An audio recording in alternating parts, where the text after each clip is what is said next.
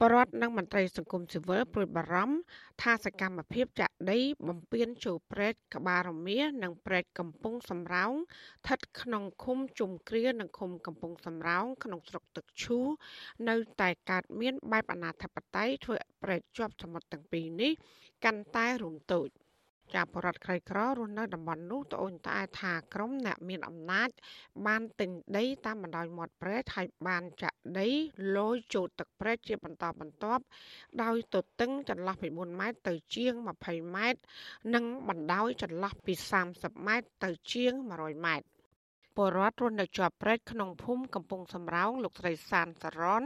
វ័យ52ឆ្នាំ សង្កេតឃើញថាព្រែកកំពង់សំរោង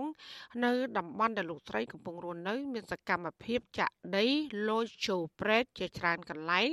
ហើយដែលធ្វើឲ្យព្រែកកាន់តែតូចចង្អៀតពិបាកធ្វើនិវាចរនិងនេសាទត្រីលោកត្រីថាក្រុមអ្នកមានអំណាចខ្លះបានចាក់ដីបំពេញចូលព្រែករហូតដល់កណ្ដាលព្រែក ហើយបន្ទាប់ពីចាក់រួចគេសង់តំណរឹងមាំនិងលំនៅឋានដើម្បីកាន់កាប់ចាលើសពីនេះសកម្មភាពនេះកើតមានជាបន្តបន្ទាប់តាំងពីឆ្នាំ2019ក៏ប៉ុន្តែมันឃើញអាជ្ញាធរចុះហាមឃាត់និងអនុវត្តច្បាប់នៅឡើយចាគេចាក់ចង់ដល់ដល់ដាលព្រែកអស់ហើយឥឡូវព្រែកនៅទូចអស់ហើយរុញឈូចរុញអីដាក់មងអីចឹងដល់ពេលទឹកវាជ្រៅគេកាយ៉ាដីនឹងទប់ចាក់ចិត្តដល់ក្តាលព្រែកឥឡូវវាក្បាក់ដល់រដែរនោះទៅចាក់ ខ្លះដេញទៅដាលខ្លះអីចឹងចេះលូតលូតទៅចឹងណារកកន្លែងជិះគ្នាលេងយ៉ាងរួចដែរណាតែគេចាក់ដីគេរៀបភើនរៀបអីចឹងចាក់ទៅវាជៀតក្នុងព្រែកហ្នឹងណាបាក់ចិញ្ចូលដែរឥឡូវក៏មុនព្រែកវានៅធំគេអត់តាន់ចាក់ដីចាក់អីចឹងចាស្ត្រីដដែលបន្ថែមថាមានក្រុមអ្នកមានលុយមានអំណាចមិនក្រោម10គ្រួសារទេដែលនៅតែបន្តចាក់ដីបំពេញព្រែកកំពង់សំរោង បង្កផលប៉ះពាល់ដល់កន្លែងនេសាទត្រីរបស់អ្នកស្រុក និងរាំងស្ទះដល់ការធ្វើដំណើរតាមផ្លូវទឹកជាដើមលោកស្រីបន្ថែមថាកន្លងទៅអ្នកភូមិមួយចំនួនតែងនេសាទត្រីតាមដងព្រែកនេះ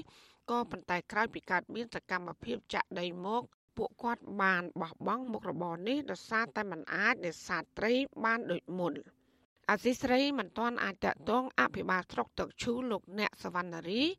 និងអភិបាលខេត្តកំពតលោកជាវតាយដើម្បីបកស្រាយរឿងនេះបាននៅឡើយទេនៅថ្ងៃទី19ខែសីហាពីព្រោះទូរស័ព្ទហៅចូលតែគ្មានអ្នកលើកប៉ុន្តែការប្រជុំខែមិថុនាឆ្នាំ2021កន្លងទៅ លោកឈៀវតាយបានផ្ញើលិខិតទៅព្រះអាជ្ញាខេត្តកំពតដើម្បីស្នើសុំកិច្ចសហការអនុវត្តច្បាប់ករណីបុគ្គលម្នាក់ឈ្មោះអេងសុកហេង បានចាក់ដីរំលោភចូលព្រែកនៅចំណុចព្រែកក្បាលរមៀសស្ថិតនៅក្នុងភូមិត្រពាំងធំឃុំជុំគ្រៀលស្រុកទឹកឈូចាលោកជាវតាយថ្លែងក្នុងលិខិតនោះថាកន្លងទៅអាញាធរធ្លាប់បានជូនដំណឹងទៅលោកអេងសុកហេង3ដងមកហើយក៏ប៉ុន្តែបុគ្គលរូបនេះមិនអនុវត្តតាម ហេតុនេះហើយដើម្បីការពារទ្រព្យរបស់រដ្ឋលោកក៏ស្នើឲ្យតំណាងអាយកាសហការជាមួយអាជ្ញាធរចុះកាយដី ចេញពីចំណីព្រែករុះរើរបងនិងអនុវត្តច្បាប់លើបុគ្គលរូបនេះប៉ុន្តែមកដល់ពេលនេះមន្ត្រីសង្គមស៊ីវិលសង្កេតឃើញថាតំណាងអាយកានិងសមត្ថកិច្ចនៅមិនទាន់ចាត់វិធានការច្បាប់លើលោកអេងសុកហេងនៅឡើយ ចាវិជ្ជាស៊ីស្រីមិនទាន់អាចតាក់ទងមន្ត្រីតុលាការខេត្តកំពតដើម្បីសាកសួររឿងនេះបានទេរីឯលោកអេងសុខេងដែលរងការចោទប្រកាន់នោះវិជ្ជាស៊ីស្រីក៏មិនទាន់អាចតាក់ទងបានដូចគ្នានៅថ្ងៃដដែលនេះ មេឃុំជុំគ្រាលោកហៃសេនមានប្រសាសន៍ថាអាញាធរឃុំ មិនគ្រប់គ្រងការចាក់ដី បំពេញចូលព្រែករំលោភទ្រព្យសម្បត្តិរបស់រដ្ឋនោះទេ ហើយថាករណីនេះអាញាធរឃុំតែងតរិកាទៅអាញាធរស្រុកដើម្បីចាត់វិធានការតាមច្បាប់លោកឋានអ្នកដែលបំពេញដីព្រែកភ ieck ច្រើនជាបុគ្គលមានលុយមានអំណាច ហើយអាជ្ញាធរឃុំតែងតែផ្សព្វផ្សាយឲ្យប្រជាពលរដ្ឋចូលរួមរាយការណ៍នឹងការពៀទ្របរបស់រដ្ឋទាំងអស់គ្នា លោកបានបានបញ្ជាក់លម្អិតថាមានសកម្មភាពចាក់ដីបំពេញព្រែកប្រមាណគូសា នៅ ក្នុងឃុំរបស់លោកទេក៏ប៉ុន្តែលោកថាករណីនេះគឺបានកើតមានជាបន្តបន្ទាប់ចាប់តាំងពីផ្ទុះជំងឺ Covid-19 យើងមានការផ្សព្វផ្សាយចឹងហើយបានវាមិនបានព័ត៌មានពីប្រជាពលរដ្ឋដែលលោកការពារនេះចំពោះជនប្រព្រឹត្តបទល្មើសហើយប្រជាពលរដ្ឋយើងអត់ដែលមានទេច្រើនតែអ្នកមានលុយមានអំណាចគាត់មកលុកលុយអាហ្នឹងហើយដែលយើងបានផ្សព្វផ្សាយរួចហើយរាល់ហើយបានគាត់មានការជួយចារហ្នឹងហើយបាទដើម្បីជួយទប់ស្កាត់ពីបញ្ហាទ្រព្យសម្បត្តិរបស់រដ្ឋ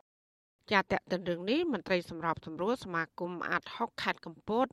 លោកយុនផលីយោថាការពជាពេលមិនអនុវត្តច្បាប់ ទៅលើអ្នកបំពេញដីព្រែកនោះឆ្លោះបញ្ចាំងថាការអនុវត្តច្បាប់របស់សមត្ថកិច្ចមានភាពធូររលុងដែលធ្វើឲ្យជនល្មើសមិនរៀងចាលលោកទៀមទាអាញាធរនិងស្ថាប័នអាយកាត្រូវអនុវត្តច្បាប់ លើអ្នកពាក់ព័ន្ធទាំងអស់ដែលបំពេញដីព្រែកនិងជំរុញឲ្យកាយដីចេញពីព្រែកឡើងវិញ។